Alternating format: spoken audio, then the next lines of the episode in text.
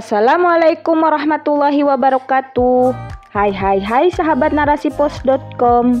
Kembali lagi di podcast Narasi Pos Media bersama saya Sarah dalam rubrik Teenager.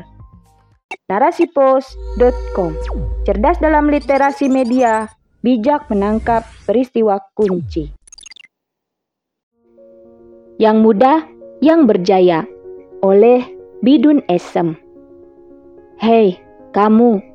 Iya, kamu, para pemuda Islam yang mengaku agen perubahan, calon pemimpin masa depan. Kalian adalah harapan umat. Di pundak kalianlah tugas suci perjuangan kebangkitan Islam akan dibebankan. Tugasmu sangat mulia. Di tangan kalianlah perubahan dunia akan terjadi. Kalianlah yang kelak akan mengisi masa kejayaan Islam dengan kegemilangan. Tapi guys, Tahukah kamu bahwa untuk mencapai kegemilangan itu membutuhkan kerja keras?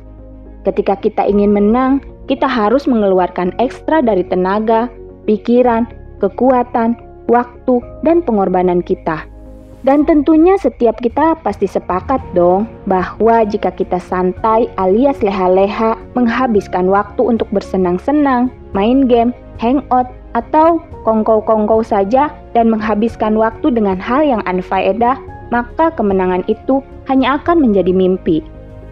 Untuk menggapai cita-cita, sudah pasti kita butuh bekerja keras. Untuk memperoleh hasil yang kita inginkan, tentu kita harus bersusah payah dan yang pasti akan ada banyak pengorbanan di sana. Untuk menjadi juara, kita tak bisa hanya mengerahkan kemampuan yang biasa-biasa saja. Ketika teman asyik main game, kita masih harus menghafal, memecahkan rumus, bertemu dengan omelan guru, dana yang harus dikeluarkan ekstra, dan pastinya rasa jenuh juga bosan. Tapi kita harus menahannya teman, demi cita-cita dan juga kemuliaan di masa depan. Apalagi jika itu untuk Islam, maka harus kita tambah lagi jiwa militansi kita. Marilah kita mengingati nasihat mulia dari Imam Syafi'i.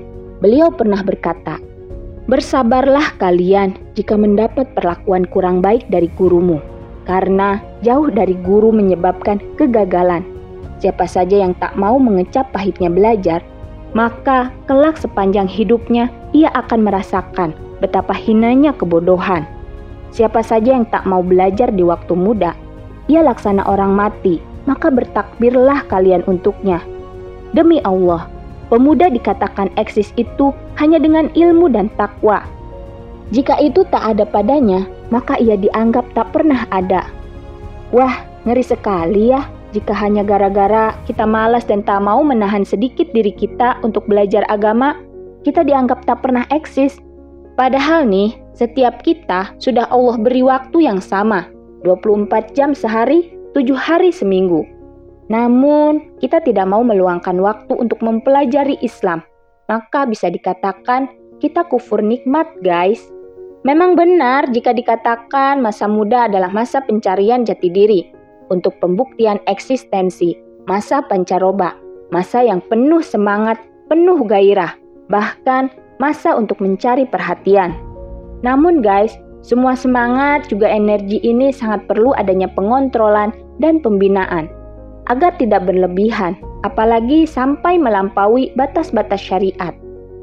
Untuk itu, akan sangat hebat sekali jika di tengah-tengah berbagai godaan dunia tadi ada seorang pemuda yang taat dan istiqomah dengan Islam.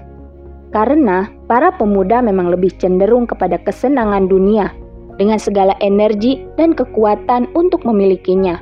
Nah, untuk mendapatkan hasil yang maksimal, keimanan yang kokoh, jiwa militansi yang kuat, dibutuhkan kerja keras, kesabaran, serta keistiqomahan di bawah bimbingan guru. Sejatinya nih sob, kebaikan pada para pemuda itu banyak. Masa muda adalah masa yang penuh berkah, karena banyak sekali hal-hal kebaikan yang dapat dilakukan pada masa muda. Dengan kuatnya tenaga, konsentrasi pikiran, semangat yang membara, tekad sekuat baja, dan segala hal yang sedang pada puncaknya. Jika digunakan untuk kebaikan, maka hasilnya pun akan sangat mengagumkan. Namun akan sangat berbeda jika semua potensi luar biasa itu kita gunakan di jalan yang Allah murkai, hanya mengejar cinta lawan jenis, narkoba, hura-hura, tawuran, atau malah menjadi agen sekularisasi dan moderasi beragama yang menyesatkan umat. Tentu itu akan menghancurkan diri dan masa depan di dunia maupun di akhirat. Kawan, syarat mati itu tak harus tua, ajal bisa datang kapan saja. Benar jika dikatakan muda masih kuat, badan sehat dan bugar seakan penyakit tak berani dekat-dekat. Akan tetapi, ajal bisa datang dengan jalannya yang misterius sob. Siapa pun yang Allah kehendaki, maka bisa dan kapan saja malaikat maut menjemputnya. Imam Ibnul Qayyim pernah menasehati kita dalam kitab Sayyidul Khotir 148. Siapa pun pasti tidak mengetahui kapan ajal menjemput secara tiba-tiba. Namun ia wajib bersiap-siap. Jangan kalian tertipu dengan usia muda serta sehatnya badan. Sesungguhnya yang meninggal di usia tua itu amatlah sedikit. Akan tetapi yang wafat di usia muda itu jauh lebih banyak. Sehingga sangat sedikit para pemuda yang dapat mencapai tua. Sungguh mereka telah tertipu pada yang demikian. Gengs, pernah kan kalian mendengar kisah para pemuda pahlawan Islam? Mereka telah menjadi punggawa Islam dan menorehkan tinta emas mereka untuk peradaban Islam dan gemilang pada usia belia. Contoh nih, dalam Sahih Al-Bukhari nomor 302, Abdullah ibnu Umar radhiyallahu anhuma menemui Rasulullah shallallahu alaihi wasallam untuk meminta izin ikut berjihad pada perang Badar pada usia 13 tahun. Di usia itu, kita sedang apa ya teman? Atau Usama bin Zaid radhiyallahu anhu, pada usia 18 tahun ia telah menjadi komandan pada perang Mu'tah. Hmm, di mana kita saat usia itu? Juga lihatlah kisah Sultan Mahmud II, Muhammad Al-Fatih. Usia 21 tahun, ia telah berhasil menembus benteng Konstantinopel benteng dengan pertahanan terhebat dunia kala itu. Ia hafal Al-Quran, menguasai tujuh bahasa dunia, bahkan di usia prabaling, begitu juga dengan para pemuda hebat sekelas Ja'far bin Abi Thalib, Umar bin Abdul Aziz, Tolhah bin Ubaidillah, Imam Syafi'i, Imam An-Nawawi, dan tentunya masih banyak lagi yang lainnya. Mereka tidak terlena dengan masa muda sob, mereka tak tertipu dengan kehebatan usia muda. Malah, mereka memanfaatkan puncak kenikmatan masa muda dengan menggapai sebanyak-banyaknya ilmu dan amal terbaik untuk Allah dan Rasul-Nya, untuk kemuliaan Islam. Mereka mengorbankan waktu, tenaga, dan pikiran mereka. Mereka tidak mengenal kata santai, terlena, dan terhanyut dengan hayalan kosong. Mereka tidak lebay menuruti nafsu syahwat, dan itulah yang juga harus kita lakukan – Merekalah the real hero guys, bukan hero abal-abal ala Hollywood. Mereka contoh nyata betapa usia muda harus digunakan sebaik-baiknya untuk menggapai kejayaan Islam. Mereka benar-benar mengamalkan nasihat Rasulullah Shallallahu Alaihi Wasallam dalam hadis riwayat Al Hakim ibnu Abbas radhiyallahu anhuma berkata, Rasulullah pernah menasehati, gunakanlah lima hal sebelum datang lima hal. Masa mudamu sebelum datang masa tuamu, masa sehatmu sebelum datang masa sakitmu, masa kayamu sebelum datang masa miskinmu, waktu luangmu sebelum datang waktu sempitmu, juga masa hidupmu sebelum datang kematianmu. Masa muda tak akan datang dua kali, teman. Selangkah demi selangkah, ia akan maju ke depan sampai di penghujung waktu, yaitu akhir kehidupan. Hari demi hari, minggu, bulan, tahun, ia tak akan pernah mengulang waktu.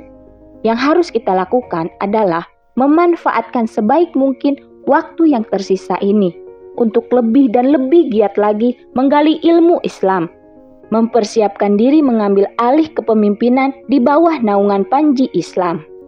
Karena Rasulullah Shallallahu Alaihi Wasallam bersabda dalam hadis riwayat Imam At-Tirmizi, tidak akan bergeser dua tapak kaki anak Adam pada hari kiamat, hingga Allah menanyakan empat hal. Umurnya, selama hidupnya, untuk apa dihabiskan? Masa mudanya ia gunakan dengan cara bagaimana? Hartanya dia dapatkan dari mana? Dan ia belanjakan untuk apa? Dan ilmunya ia amalkan ataukah tidak?